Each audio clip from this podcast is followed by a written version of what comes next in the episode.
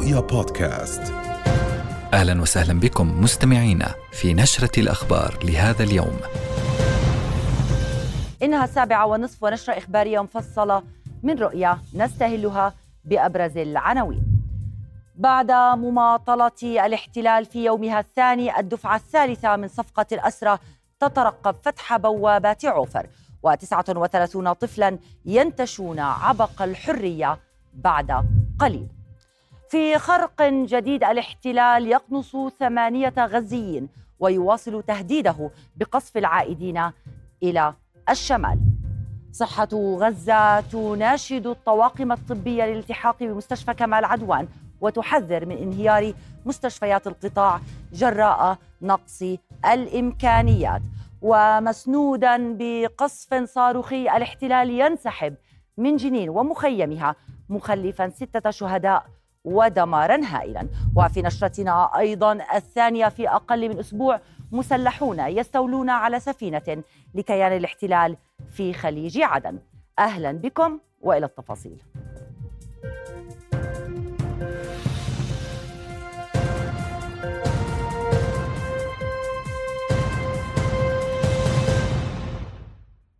39 شبلا فلسطينيا هم الآن بانتظار فتح بوابات سجن عوفر للإفراج عنهم. في الدفعة الثالثة من صفقة تبادل الأسرى التي شارفت على يومها الرابع والأخير المقرر بحسب الهدنة المبرمة بوساطة مصرية قطرية أمريكية. وأعلنت هيئة شؤون الأسرى والمحررين الفلسطينية أسماء الأسرى المقرر الإفراج عنهم بعد ساعات. فيما خلت من اسم أي أسيرة فلسطينية.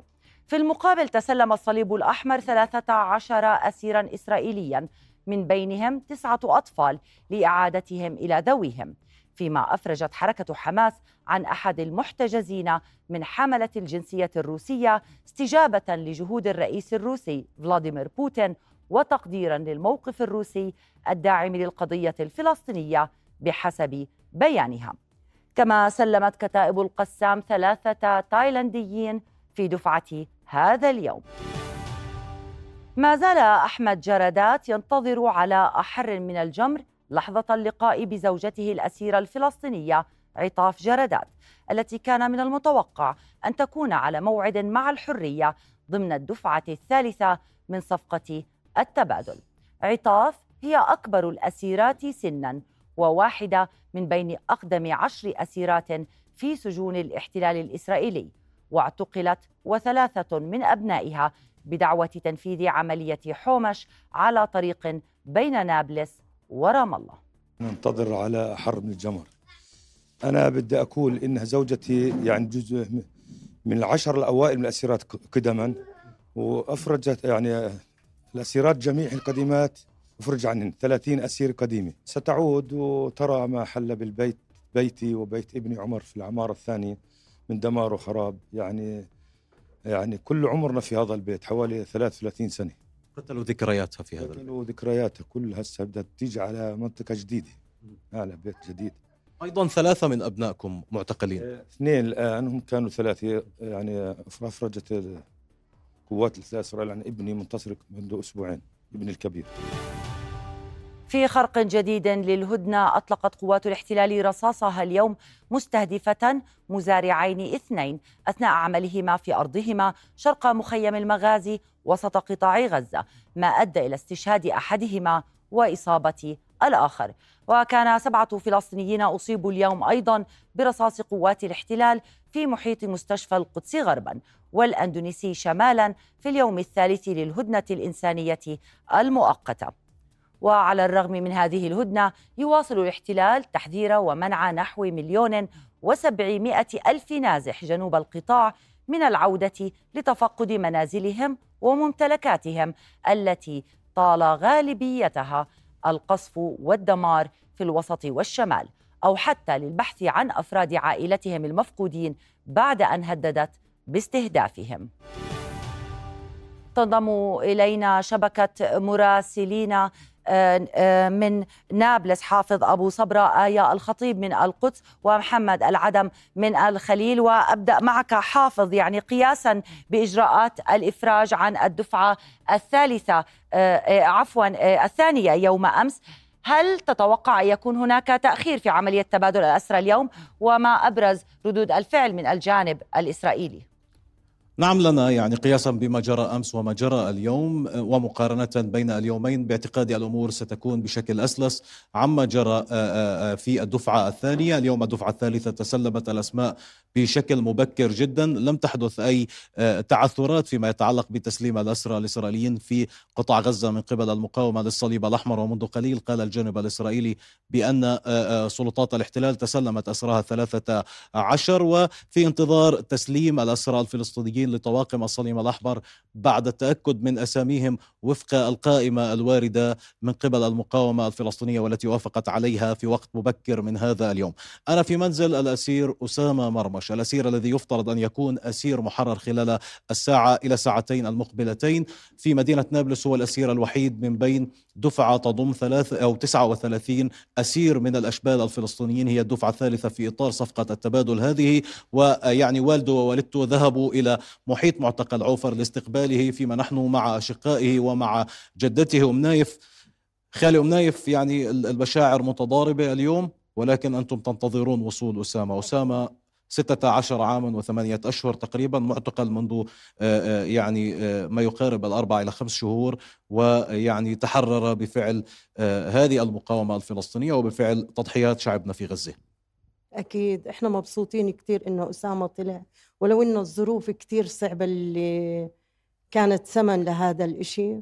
وقد ما نقدم إحنا لأهل غزة إحنا مقصرين وإن شاء الله الله باخذ بيدهم. وبتحرروا كل الشباب والرحمة على الشهداء والله يشفي كل الجرحى. دخلت للبيت يعني أنتوا الأهل فقط فيش مظاهر فرح فيش مظاهر احتفال. إيش سبب؟ الوضع بغزة برضه أهلنا ما بننساهم. وقد ما نعمل إحنا مقصرين معاهم. مش معقول نقعد نحتفل ونزغرت والدنيا قايمة. والجثث مرمية مستحيل. إحنا بنتم مخلصين لأهل غزة ومقصرين قد ما نعمل لهم. رسالتك اليوم حج منايف انت والدة وجدة في نابلس للامهات والجدات في قطاع غزة ممن آه، آه، آه، بعضهن دفن ابنائهن وبعضهن لا زلن يبحثون عن أبنائهم وبناتهم بين الركام. الله يساعدهم الله يوقف معاهم وياخذ بيدهم ويصبرهم ويعوضهم عوض خير وياخذ بيدهم وينصرهم. يعني قديش قديش المشاعر اليوم متضاربة ومعقدة حتى في التعبير عنها؟ أكيد. يعني إشي بحرق القلب باللي إحنا عايشينه والكل متفرج أسفي على هالشعب العربي. وإن شاء الله الله باخذ بيد أهل غزة وبنرفع رأسنا فوق كمان. وهي الله يرحم كل واحد شهيد ويشفي كل جريح. يا رب. رسالتك خالي لليوم للي كان سبب في هذا التحرر. تحرر أسامة وعدد كبير من الأسرى والأسيرات ومنهم أسيرات كنا يحلمنا بهذه اللحظة من الحرية. قد ما نقول قليل وقد ما نشكر قليل وقد ما نحكي برضه قليل. الله ياخذ بيدهم ويرفعهم كمان وينصرهم. قديش ساعات صعبة في الانتظار والاحتلال بحاول يماطل في الإفراج عن الأسرى. وأنتم اليوم في نابلس ووالده ووالدته لأسامة في محيط معتقل عوفر. قديش صعب موضوع الانتظار؟ الانتظار كتير كتير صعب وبحرق الدم والله يعين كل الإمايات اللي أولادهم بالسجن. إشي مش سهل مش سهل مش سهل. كثير صعب. يعني خصوصا مع الأخبار اللي كانت توصلكم عن الأوضاع في الفترة الأخيرة وقديش كان يعاني أسامة وزملائه في السجن؟ والله أنا كنت ما أبين لأهله بس أنا كنت محروقة وحاسة باللي بيعانوه. إحنا كلنا حاسين ومحدش قادر يحكي. محدش قادر. لأنه ما بيطلع بإيدنا إشي. وإحنا شعب ما إله إلا المقاومة ورب العالمين. بس. يا رب يوصل بالسلامة. لنا قبل ما أرجع لعندك بالاستوديو اذا هذه يعني ليس في هذا المنزل فقط في كل المنازل التي ندخلها. الجميل محفوظ لأهالي غزة لدماء غزة لتضحيات غزة. ويعني آه، آه، نعتقد بأنه كل الفلسطينيين اليوم أينما كانوا وأينما حلوا وارتحلوا يقولون بأن غزة هي تاج هذا آه، هذه المملكة الفلسطينية من التضحيات. وأن غزة تاج على رؤوس الفلسطينيين وتضحياتها مقدرة. وأن الفرح غائب اليوم رغم الشوق لكل الأسرى والأسيرات الذين عادوا إلى منازلهم بعد شهور وسنوات من الغياب. الفرح يغيب لأن التضحيات والدم كبير جدا والثمن كان غالي وباهظ حقيقة. هذه رسالتنا اليوم من نابلس ونعود لك في الاستوديو في عمان. نعم إذا كما قلت حافظ يعني هي حرب فلسطين على جبهة غزة, غزة. شكرا لك حافظ أبو صبرة كنت معنا من نابلس وأنتقل مباشرة إلى مراسلتنا آية الخطيب في مدينة آه، القدس. آية أريد آه، أن آتي إلى ما توفر لديك من معلومات حول ما يحدث الآن في محيط سجن عوفر حيث هناك حديث عن إطلاق الغاز كما حدث يوم أمس تجاه الصحفيين والمواطنين في محيط السجن. الكلمة لك تفضلي. نعم قامت قوات الاحتلال قبل قليل بإطلاق وابل من الغاز المسيل للدموع والرصاص الحي اتجاه الصحفيين المتواجدين هناك علما بأنه لا يتواجد في هذه الأثناء سوى الصحفيين في منطقة آه، سجن عوفر. وقد تعرض طاقم رؤيا هناك الزميله أسيل والمصور حمادة آه، للاختناق وتعرضت مركبة رؤيا آه، لتحطم الزجاج نتيجة إطلاق قنبلة غاز بشكل مباشر. مباشر اتجاه آه، مركبة آه، رؤية. هذه الاعتداءات متواصلة على كل الصحفيين إن كان آه، في مدينة رام الله أو إن كان في مدينة القدس حيث بدأت الآن قوات الاحتلال بالاعتداء على الصحفيين المتواجدين في سلوان جنوب المسجد الأقصى المبارك في محيط المنازل التي سيصلها الأسرى في الساعات القادمة. يعني هي الآن تشن حملة مداهمات جديدة لكل المناطق التي سيصلها الأسرى ولكن ولأن أن العدد الأكبر من آه، الأطفال الفلسطينيين الذين سيتحررون آه، مساء هذا آه، اليوم هم من بلدة سلوان فهناك حملة اقتحامات كبيرة جدا في المنطقة هناك. ولكن أيضا الاحتلال يقوم في هذه الأثناء باقتحام كل البلدات المقدسية الأخرى في مدينة القدس علما بأنه يشدد من حصاره على المدينة عن عند الحواجز العسكرية وكذلك سجن المسكوبية محاصر بقوات كبيرة من شرطة الاحتلال التي تمنع تمنع الطواقم الصحفية من الوصول هناك لتغطية لحظة خروج الأطفال من من المسكوبية باتجاه منازلهم نعم آية وماذا توفر لديك من معلومات؟ عن الأسرى وعددهم 21 آه، آه، من الأسرى الأشبال من مدينة القدس. نعم 21 آه، طفل آه، فلسطيني آه، سيعود إلى أحضان عائلته مساء هذا اليوم من مدينة القدس. ولكن الاحتلال كما قلت سابقا هو يتلاعب في أعصاب العائلات حيث أنه استدعى عائلتين صباح هذا اليوم. ظنا منهم بأن أبنائهم سيعانقون الحرية وهذا ما كنا نتوقعه جميعا. سيما وأن الاحتلال يتبع ذات الإجراءات منذ ثلاث ثلاثة أيام بمطالبة كل عائلة سيتحرر لها آه، طفل أسير أو أسيرة آه، بالذهاب للمسكوبية والتوقيع على تعهدات. ولكن الآن وبعد أن وصلتنا أسماء من سيتحرر آه، هذه الليلة تبين بأن عائلتان تتواجدان الآن في سجن المسكوبية. ولكن أطفالهم لا يزالوا في سجون الاحتلال. ولن يتحرروا ضمن الدفعة الثالثة مساء اليوم. تماما كما حدث بالأمس مع نفوذ حماد. بعد أن طالب الاحتلال والدها بالذهاب إلى المسكوبية وانتظر هناك آه، داخل المسكوبية آه، منذ الساعة آه، الحادية عشر وحتى الواحدة فجرا.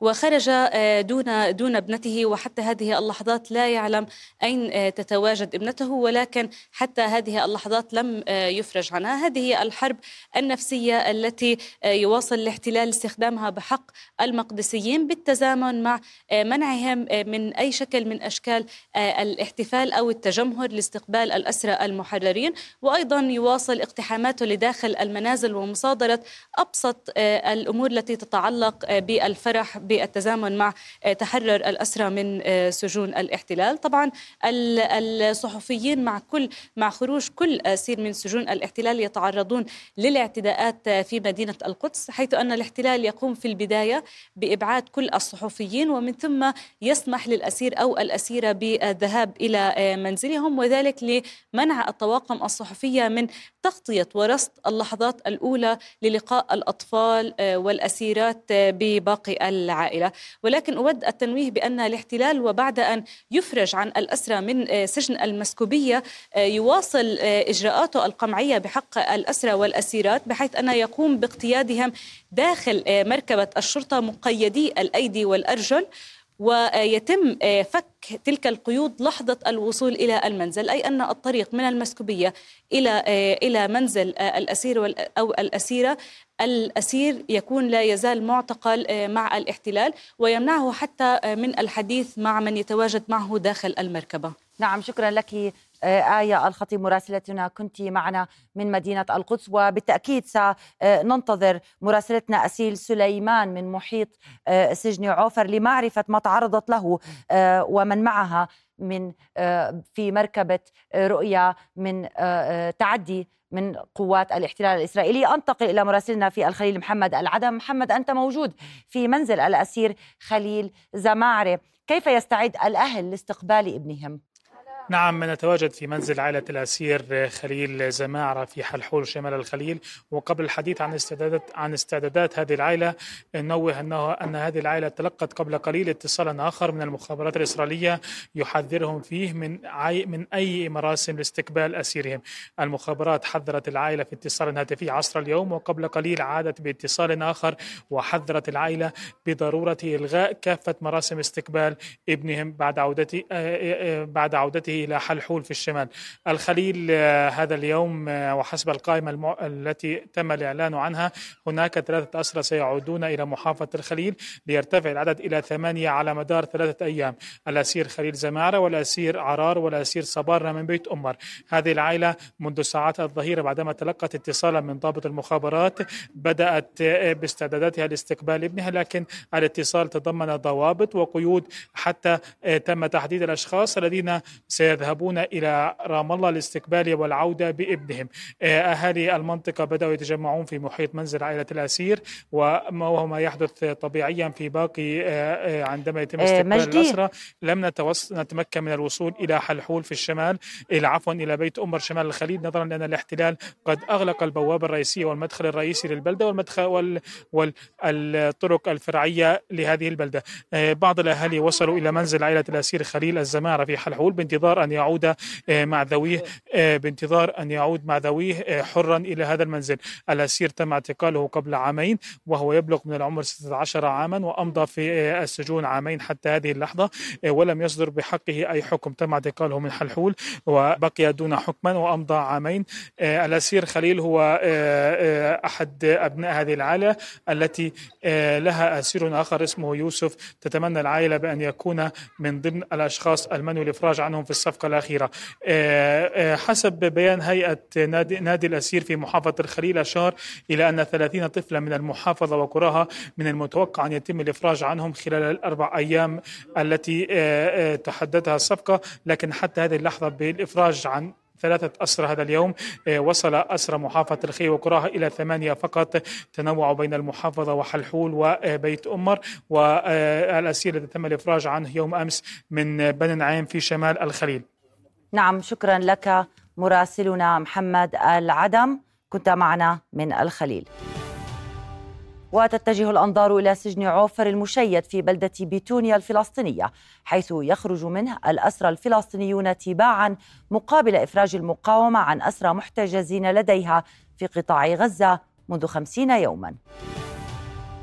وكما ذكرنا قبل قليل في خلال حديثنا مع مراسلتنا في القدس آية الخطيب يتعرض الصحفيون والفلسطينيون المتجمهرون في محيط سجن عوفر إلى آه، آه، اعتداءات من قبل قوات الاحتلال الإسرائيلي.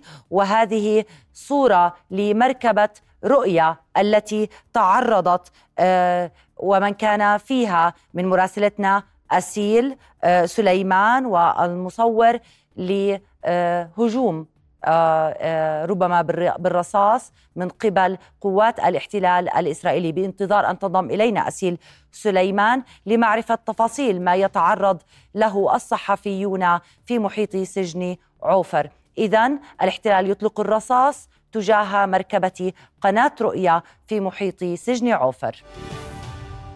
هذا ونعت كتائب عز الدين القسام الجناح العسكري لحركة حماس عددا من أبرز قادتها وعلى رأسهم أحمد الغندور عضو المجلس العسكري وقائد لواء شمال قطاع غزة.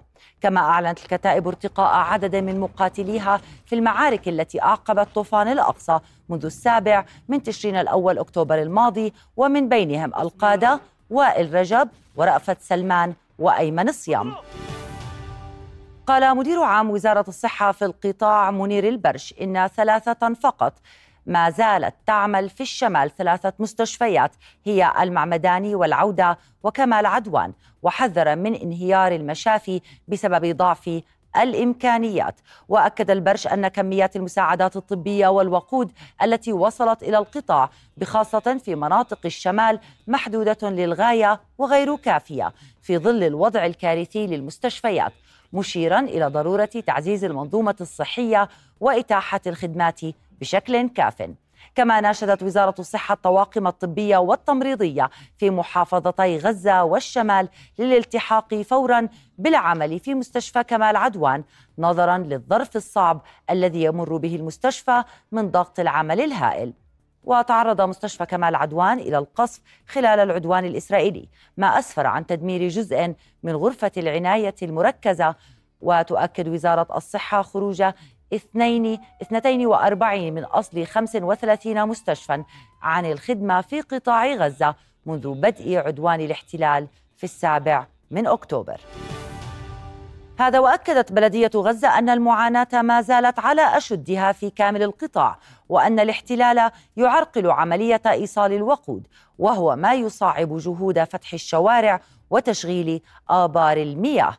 وأوضح رئيس بلدية غزة يحيى سراج أن عددا قليلا من شاحنات المساعدات وصل إلى شمال غزة مؤكدا أن أن نحو 700 ألف شخص في مدينة غزة وشمال القطاع يحتاجون إلى الخدمات. وبشأن حركة السكان أكد رئيس البلدية أن بعض المواطنين الذين يحاولون الوصول إلى بيوتهم في حي تل الهوى يتعرضون إلى إطلاق النار في ظل تعتيم إعلامي وقطع للاتصالات سيما في شمال غزة. شهادة من الصحفي الفلسطيني إسلام بدر الذي رصد الدمار الذي أحدثه العدوان الصهيوني على مدينة بيت حانون شمال قطاع غزة. نحن الآن في بيت حانون شمال قطاع غزة. كلما تعمقنا مترا كلما شاهدنا مزيدا من الدمار الأهالي هنا يأتون منذ لحظات إعلان الهدنة. الأولى يحاولون جلب أغراض بسيطة من بيوتهم المهدمة وما تبقى منها من أجل أن يساعدهم في البقاء في مراكز الإيواء. الأهالي هنا يقولون أن الدمار الكبير داخل وفي عمق المدينة وليس فقط في هذه المنطقة. ألف سلام عليكم. ونعم الوكيل ألف سلام عليكم. ليش؟ حسبي الله ونعم الوكيل بيت حنون دمار يا عم راح في البلد سلمناه خلصنا.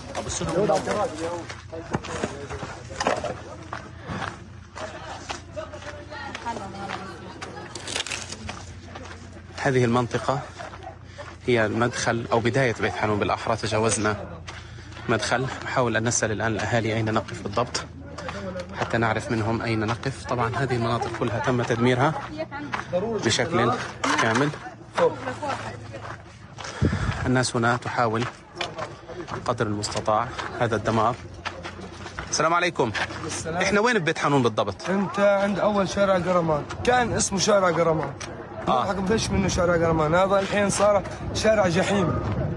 شارع جحيم. هذا أول مدخل بيت حنون هذا أول مدخل بيت حنون بعد هيك بيجيك شارع النعايمه شارع المصريين. هذا كله مدمر. عن بكرة أبي.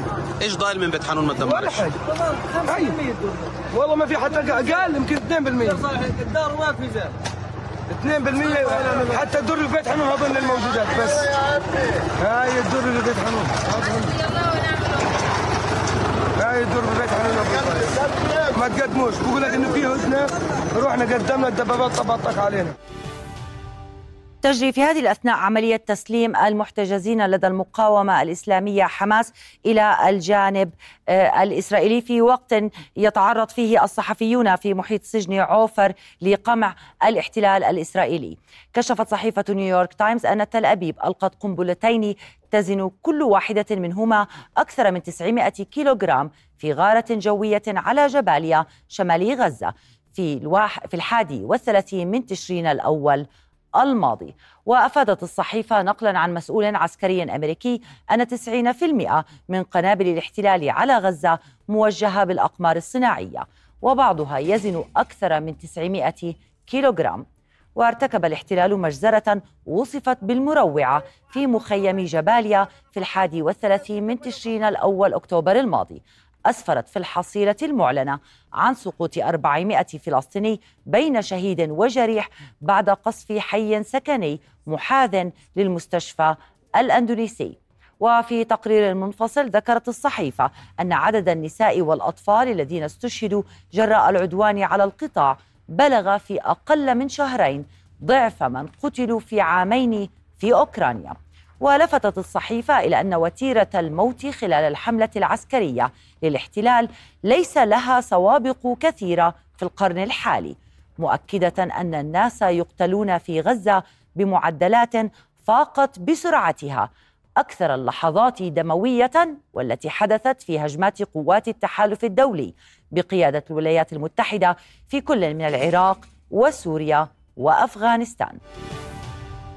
وتنضم إلينا الآن عبر الهاتف مراسلتنا أسيل سليمان من محيط سجن عوفر أسيل تعرضت آه، مركبة رؤيا لإطلاق نار من قبل قوات الاحتلال وهناك حديث عن إصابتين إحداها لصحفي خلال قمع قوات الاحتلال للمواطنين والصحفيين في محيط سجن عوفر ما الذي حدث والذي يحدث الآن؟ نعم في محيط سجن عوفر هناك نقطة ثانية تمركز عندها أو عندهما الصحفيون.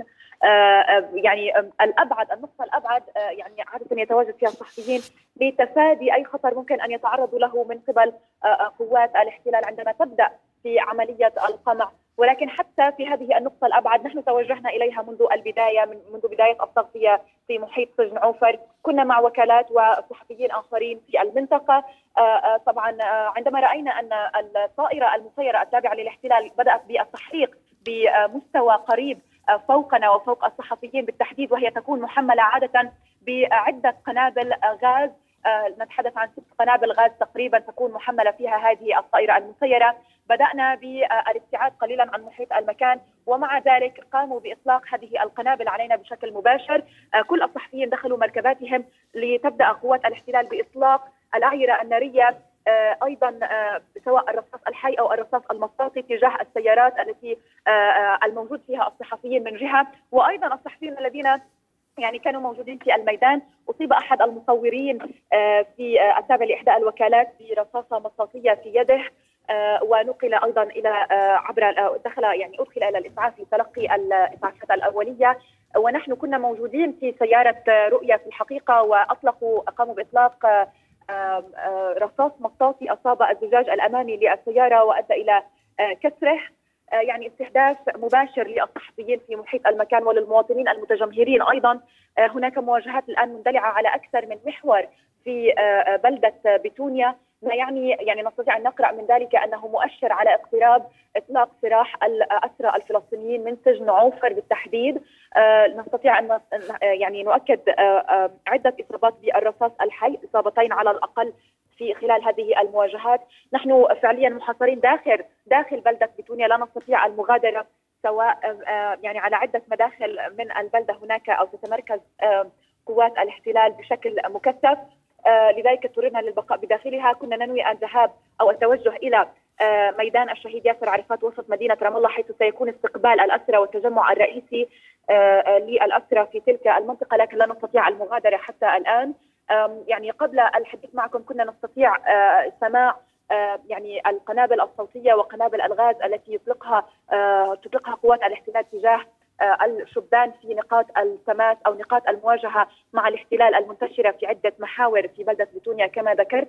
و هذا الاستهداف للصحفيين بدأ من اليوم الأول صراحة للتغطيه آه، لصفقة التبادل وخاصة أيضا للمواطنين المتواجدين في محيط سجن عوفر يوم أمس سجلت خمس إصابات بالرصاص الحي إحداها كانت بالفخذ وأخرى بالركبة. آه، وكان الاستهداف بشكل مباشر آه، تماما. يعني اليوم على الأقل هناك مواجهات. يوم أمس لم يكن هناك مواجهات بتاتا مع الاحتلال وكان يستهدف عبر قناصته الأطفال والشباب في محيط السجن وبالفعل أصاب خمسة منهم بالرصاص الحي. سنحاول التوجه إلى آه، ميدان الشهيد ياسر عرفات ل يعني يعني إيصال الرسالة من هناك خلال التجمع للأهالي الذين ينتظرون الإفراج عن الاسرى آه، ولكن ابتعدنا قليلا عن محيط آه، قوات الاحتلال آه، والمواجهات المندلعة في أكثر من محور، يعني نأمل أن تتم الأمور كما هو مخطط لها والا يتم هناك تأخير سواء من جانب الاحتلال بعد هذه بعد هذا القمع الشرس للصحفيين والمواطنين في محيط المكان، تجدر الإشارة أيضا إلى أنه جرافة للاحتلال في محيط سجن عوفر قامت بتجريف على الأقل ست مركبات كانت موجودة على جوانب آه، الطرقات وحطمتها آه، تماما وتجريف الطريق آه، المؤدي أو إلى ساحة السجن كي لا يستطيع المواطنين المواطنون عفوا الاقتراب من محيط السجن لمسافه يضمن فيها الاحتلال إبقاء نوع من السيطرة الأمنية على المنطقة وعدم اقتراب المتظاهرين كما ذكرت مسبقا. نعم اذا آه، السيناريو يعني هو ذاته منذ بدء سريان اتفاق الهدنة وتبادل آه، الأسرى نتابعها الآن لوصول المحتجزين الإسرائيليين المحتجزين لدى المقاومة إلى معبر رفح في إطار آه، الدفعة الثالثة من اتفاق تبادل الأسرى بين المقاومة وتل أبيب وهم بحسب ما أعلن ثلاثة عشر محتجزا. أسيل أرجو أن تتخذوا ساترا آه، إذ تعرضتم لقصف من قبل طائرة مسيرة ألقت قنابل وأعير نارية ورصاص حي ومطاطي في محيط سجن عوفر كان هناك آه، آه، حديث عن إصابتين إحداها لصحفي خلال قمع قوات الاحتلال للصحفيين والمواطنين كما قلت في محيط سجن عوفر. شكرا لك أسيل سليمان وما زلنا نتابع تسليم الدفعة الثالثة من المحتجزين من معبر رفح لعملية آه، تسليم الأسرى المحتجزين لدى المقاومة. آه، الإسلامية حماس آه، كخطوة أولى مقابل تسليم إسرائيل للأسرى الفلسطينيين المحتجزين في السجون الإسرائيلية و آه، كما قلت قبل قليل ذات السيناريو يتكرر آه، منذ بدء اتفاق الهدنة وتبادل الأسرى حيث تعرض آه، الصحفيون والمواطنون المتجمعون في محيط سجن عوفر إلى قمع للاحتلال الإسرائيلي في إشارة إلى قرب بدء تسليم الأسرى الفلسطينيين. عالم المال والأعمال بعد فاصل قصير ابقوا معنا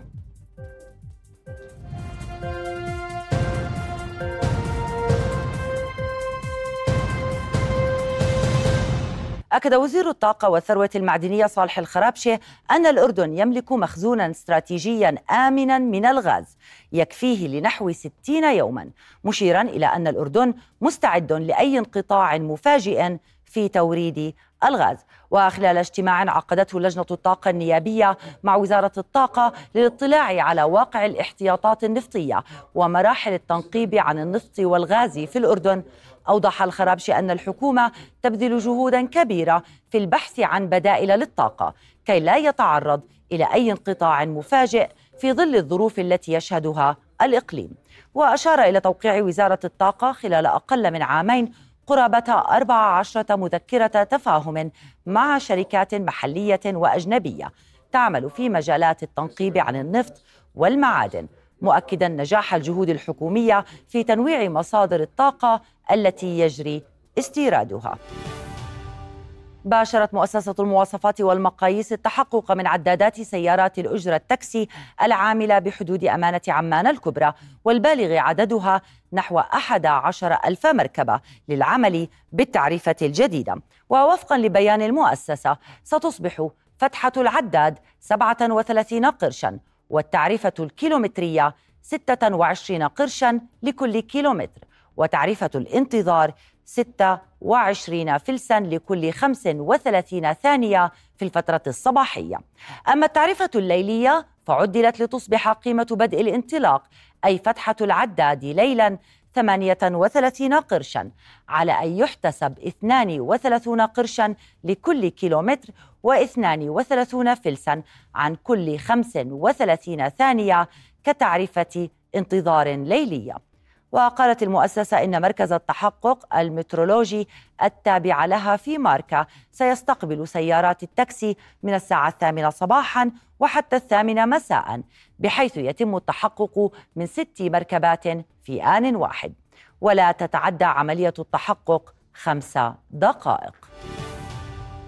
أعلنت وكالة غوث وتشغيل اللاجئين الفلسطينيين أونروا عن حاجتها إلى 120 طنا من الوقود يوميا على الأقل لبدء تشغيل المرافق الأساسية. المستشار الإعلامي لوكالة الأونروا عدنان أبو حسنة أوضح أن معبر رفح لا يكفي لإيصال الوقود ومواد الإغاثة مطالبا بفتح معبر كرم أبو سالم. وقال إن آلية إدخال الشاحنات في المعبر معقدة لأن سعته القصوى هي 130 شاحنة يوميا والمطلوب دخول 200 شاحنة مساعدات إغاثية يوميا لمدة شهرين متواصلين. ولفت أبو حسن إلى أن شمالي قطاع غزة ومدينة غزة يعيشان مجاعة تضاف إلى انتشار الأمراض المعوية والجلدية بعد أن غمرت مياه الصرف الصحي الشوارع. وشبه الوضع في غزة وشمال القطاع بالزلزال الذي ضرب تركيا وسوريا.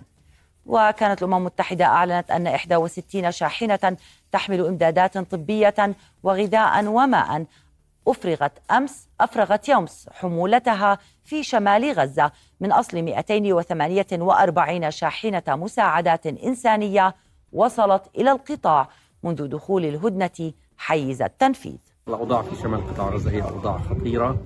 إيه، لا يوجد تقريبا مياه صالحة للشرب لا توجد مواد غذائية. من هنا تكمن أهمية المساعدات المرسلة. اليوم أيضا إيه، نسير إيه، قوافل إلى شمال قطاع غزة وإلى مدينة غزة. بالنسبة للأوضاع الإنسانية بصفة عامة هي أوضاع خطيرة سواء في شمال القطاع أو في جنوب القطاع آه، الاحتياجات الإنسانية آه، كبيرة وغير آه، مسبوقة. نحن بحاجة إلى إدخال 200 شاحنة من الاحتياجات الإنسانية بصورة مستمرة ولمدة شهرين على الأقل حتى نتمكن من مواجهة الاحتياج الكبير. فاصل من بعده المزيد ابقوا معنا.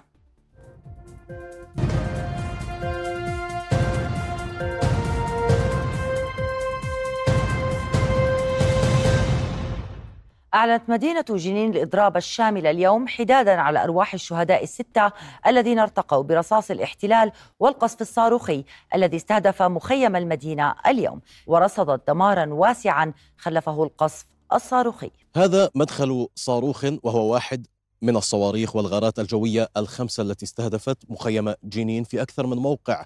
خلال اجتياح استمر ل 12 ساعة وبدأ مساء الليلة الماضية وانتهى في ساعة مبكرة من صبيحة هذا اليوم. دمار كبير خلفته قذائف الاحتلال في هذا المنزل وفي داخله بحيث أضحى منزلا غير صالح للسكن. الدمار الكبير لم يطل المنازل فقط بل طال البنية التحتية مجددا ومجددا. صارت الطرقات والشوارع في محيط مخيم جينين وعند مداخل المخيم الرئيسية والفرعية صارت عبارة عن خنادق ينتظر الفلسطينيون اللاجئين في هذا المخيم المنخفضة الجوية القادم ليرونها مليئة بمياه الأمطار بحيث يصعب عليهم عملية التنقل في محيط المخيم وداخله. هنا نرصد حجم الدمار الكبير جراء قذائف الاحتلال التي طالت هذا المنزل. خمسة شهداء خلفهم اجتياح الاحتلال لمخيم جنين هذا الاجتياح الذي تخلله اشتباكات مسلحة بين قوات الاحتلال والمقاومين في أكثر من محور. فيما تخلله أيضا استهداف المقاومين لقوات الاحتلال وآلياته العسكرية بالعبوات الناسفة محلية الصنع. خلف الاجتياح دمارا كبيرا ليس في هذا الموقع فقط بل في أكثر من موقع في مخيم جنين. لكن كان تصدي كبيرا بالاشتباكات المسلحة والعبوات الناسفة محلية الصنع. تقول قوات الاحتلال بأنها استطاعت اعتقال منفذ عملية حوارة وهو فلسطيني من قرية عقربة جنوب نابلس بعد ثلاثة أشهر من المطاردة. هنا في مخيم جنين فيما أعلنت المصادر المحلية اغتيال واحد من قادة كتيبة جنين وهو الشهيد سعد الدمج عبر واحدة من الغارات التي طالت مناطق المخيم. أربعة شهداء آخرين ارتقوا خلال هذا الاجتياح ومنهم طفل ارتقى بينما كان داخل غرفة نومه. يستعد للنوم؟ فطالته واحدة من رصاصة القناصة الذين اعتلوا البنايات العالية في محيط مخيم جنين. يحاول الاحتلال الإسرائيلي كسب الرأي العالمي إلى صفه وتشويه صورة المقاومة الفلسطينية في كل فرصة لتأتي الصورة من غزة والأراضي الفلسطينية وتكشف ظلم الاحتلال وعدوانيته. وفي المقابل يشهد العالم حسن تعامل المقاومة مع المحتجزين لديهم. بابتسامة يودع المحتجزون رجال المقاومة الفلسطينية في مشهد يفصح عن مدلولات تناقض ما يحاول أن يروج له الاحتلال الإسرائيلي في كل فرصة وتردده حكومات الغرب وراءه كالببغاء في المقابل هذا ما تفعله قوات الاحتلال الإسرائيلي بحق الفلسطينيين الذين ينتظرون خروج أحبائهم بموجب صفقة التبادل. ليس هذا فحسب فهم يقتحمون منازل الأسرى وينغصون استقبال أهاليهم لهم كما فعلوا في منزل الأسيرة المحررة اسراء الجعابيص أما هذه فشقيقة أحد المحتجزين التايلانديين في غزة وتحدثت عن تجربة شقيقها في القطاع. كان وجهه سعيدا للغاية وبدأ على ما يرام. قال إنه لم يتعرض للتعذيب أو الاعتداء وتم إطعامه طعاما جيدا. لقد تم الاعتناء به جيدا ويبدو أنه أقام في منزل وليس في نفق. في ظل حرب يشنها الاحتلال عسكريا وسياسيا واعلاميا تأتي هذه الصور من غزة على بساطتها وتغني عن آلاف الكلمات التي يمكن أن تقال وهذه الابتسامة تحكي كل شيء. قال مسؤول عسكري أمريكي إن مسلحين اعترضوا ناقلة نفط مرتبطة بشركة تابعة لكيان الاحتلال الإسرائيلي. في خليج عدن وأضاف المسؤول أن هناك مؤشرات إلى أن عددا غير معروف من المسلحين المجهولين سيطروا على الناقلة MV Central Park في خليج عدن مشيرا إلى أن القوات الأمريكية وقوات التحالف موجودة في محيط المنطقة وتراقب الوضع عن كثب. جاء ذلك بعد نحو أسبوع من إعلان الحوثيين في اليمن احتجازهم سفينة مملوكة لرجل أعمال من الكيان الإسرائيلي في البحر الأحمر وإلى محلياتنا حيث واصلت اللجنة القانونية النيابية خلال اجتماع عقدته اليوم مناقشتها الاتفاقيات الموقعة مع الاحتلال الإسرائيلي وتقديم إمكانية شكوى أمام محكمة الجنايات الدولية عبر القنوات الرسمية بحق قادة الكيان الغاصب بوصفهم مجرمي حرب.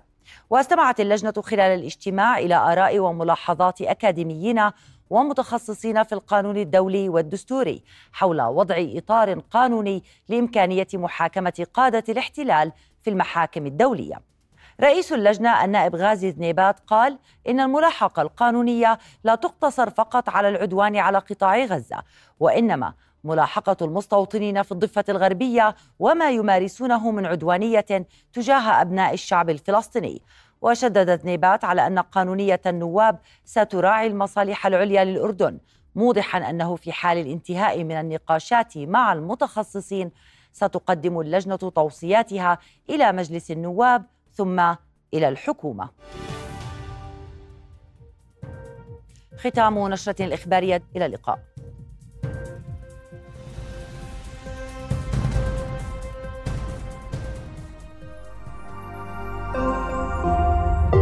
رؤيا بودكاست